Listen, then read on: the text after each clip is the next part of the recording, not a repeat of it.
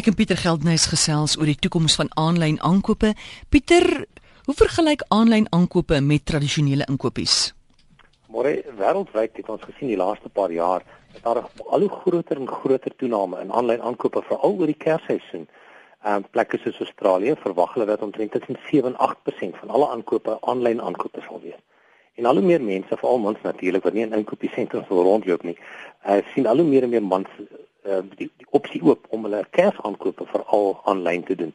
Wat wat baie interessant is is egter hoe mense hierdie hierdie aankope doen.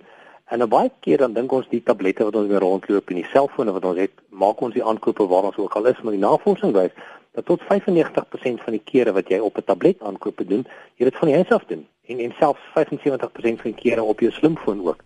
So lyk my die die huis is maar die beste plek om jou aanlyn aankope te doen. En wat baie interessant is, meeste mense dink as jy by die huis is, jy dit op jou rekenaar sal doen, maar dit lyk of om en by 20% van aankope wel van slimfone of tablette gemaak word terwyl jy by die huis sit. So dis 'n baie interessante element om te kyk hoe mense aanlyn aankope doen. En wat natuurlik baie interessant is, is dat al hoe meer en meer mense hulle hulle fone gebruik om um, binne in winkels die streepieskode af te neem en dan te kyk wat is die prys wat hulle aanlyn kan kry.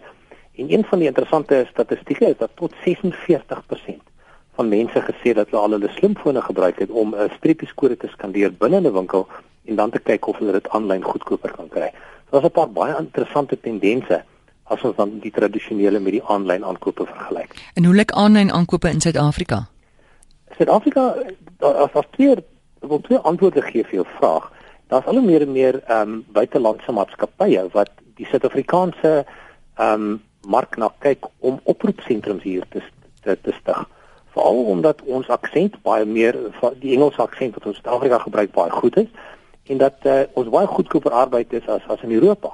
Daarom sien ons 'n hele klomp aanlyn aankope van Engelssprekende lande wat hulle oproepsentrums in Suid-Afrika begin vestig. As ons egter na Suid-Afrikaanse ehm um, gebruikers kyk, dan sien ons dat tot 10% van mense wat op die internet gekoppel is, hulle aankope aanlyn maak, maar ek moet natuurlik nou sê dat die grootste gros van daai mense vliegtuigkaartjies en karbesprekings aanlyn maak. Dis nie dat ons al ons inkopies doen nie. En dan is daar omtrent 'n skatting dat 5 of 6% van ons wel elektroniese ware aanlyn aankoop. En watter rol speel selfone en tablette in aanlyn kope? Aankope. Baie, baie interessant is dat al hoe meer en meer aan die die navorsing blyk word blykbaar meer op slimfone gedoen. Terwyl jy dan jou slimfoon in jou hand het, dan kan jy na verskillende opsies en pryse kyk, maar dit lyk my asof meer as dubbel die hoeveelheid wat op hulle slimfone die aankope aanlyn doen, dit op tablette doen. So dit lyk my of die groter skerm wel 'n groter impak het. Ehm um, en daarom sien ons dat tablette baie groter rol speel in aanlyn aankope as slimfone, maar dit nog steeds maar omtrent 'n kwart van die normale aanlyn aankope, die die res word maar van rekenaars af gedoen. En wanneer dit kom by kredietware aankoop, hoe lyk dit wêreldwyd? Hoe daar's 'n paar 'n paar baie interessante gevalle studies. Is 'n maatskappy met naam Tesco, dis 'n Britse kredietware maatskappy.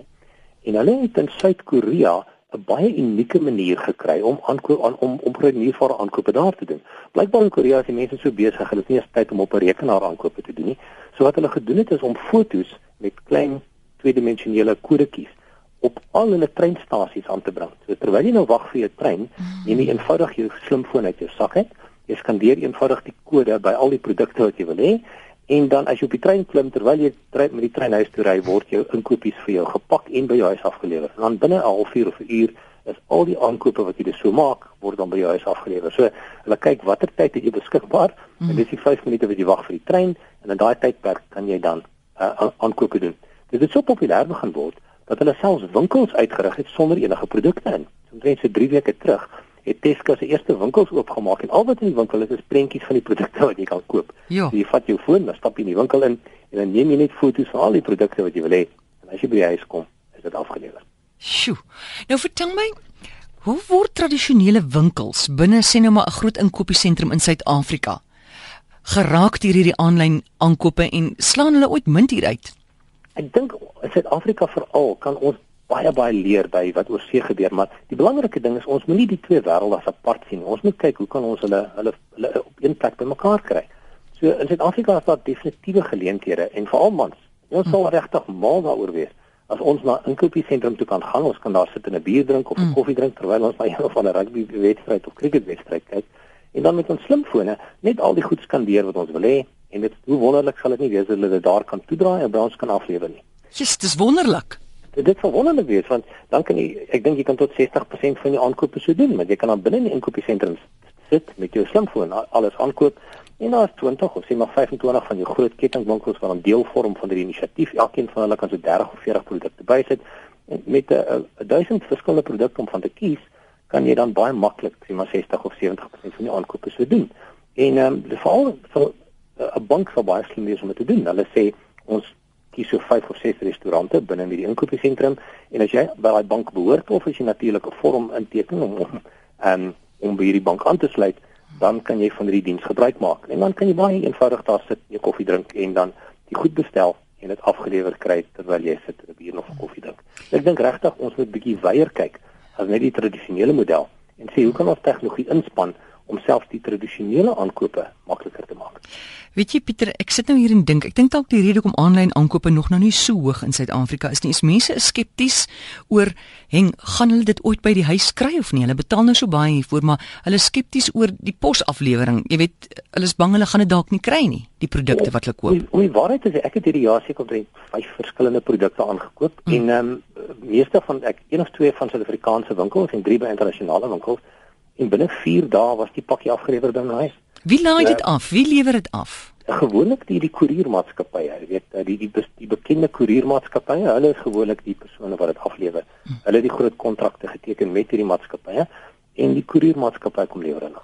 Soos Amazon.com, hulle gebruik dan 'n koeriermaatskappy in Suid-Afrika om dit by my af te Dis korrek, dis korrek. So hulle val internasionale ene gebruik. Jy kan nie name oplig nie, mm. maar daar's 'n 3 of 4 mm. internasionale koeriermaatskappye ja. en een van hulle sal dit weer kom aflewer. Maar Amazon.com is vol planne, né, wanneer dit kom by hulle aflewering. O, geweldig vol planne. Kom ek vertel jou hiervan. Nou ek het lees vanoggend toe dink is dit nou 1 April, is dit nou 'n April Fool's grappie wat wat ek of April gek grappie, maar blykbaar is dit nie. Wat Amazon beplan is dat ek weet nie of jy al in die winkels gesien het. Hulle het sulke klein helikopters wat jy met jou iPhone kan rondvlieg uit, uit vier sulke propellers. Mm. En blykbaar kan hierdie klein quadrocopters kan tot tot en met tot en met 2.5 kg optel. En glo dit of nie, maar Amazon beplan 'n hele klomp sentrums dwars oor Amerika en dan omdat hulle sê 86% van hulle pakkies is minder as 2.5 kg. Dan wil hulle hierdie klein helikoptertjie moet hierdie ding optel en dan kan hy tot met 'n afstand van 25 km rondom hierdie sentrum hierdie pakkie dan gaan aflewer.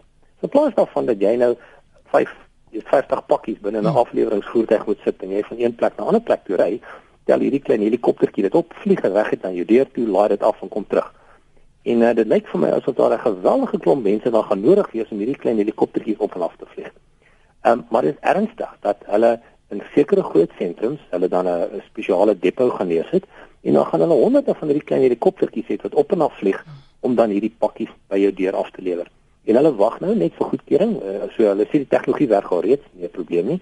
Hulle wag net vir goedkeuring van die van die lugwegowerhede dat hulle wel hierdie klein helikoptertjies kan op en af vlieg en dan gaan dit 'n ander manier wees hoe jy jou inkopies kan doen. Jy bestel iets en binne 'n halfuur kom daar 'n klein helikoptertjie en laai dit voor deur af. Ehm um, en dis nie 'n grap nie, so dis nie Apple 1 grap nie, dit is werklik so. Kyk na al die nuusbronne reg rondom die wêreld en jy sal sien dat dit een van die nuusstories is. Is dit nou 'n radiobeheerde helikopter hierdie? Dit is reg. Kleintjie of 'n radiobeheerde helikopter ja. met natuurlik kameras by en hy kan natuurlik op GPS koördinate ook vlieg. En dan stel dan tel hy die 2.5 kg pakkie op, hy vlieg reg na jou huis toe, laai dit af en hy kom terug na die na die depo toe vir sy volgende rit. Ehm um, ek dink ek weet nie hulle het nie baie duidelik hoe dit gaan werk of dit geautomatiseer gaan wees of daar ehm um, persone is wat gaan vlieg nie, maar ehm um, blykbaar is die tegnologie klaar in plek. Ongelooflik. Wat volgende? Dankie Pieter. Lekker aand. Alsoos mooi. Dis Pieter Geldenhuys en ons het gepraat oor die toekoms van aanlyn aankope en hy's 'n toekomskundige, ook buitengewone dosent by die Pik kampus Noordwes Universiteit.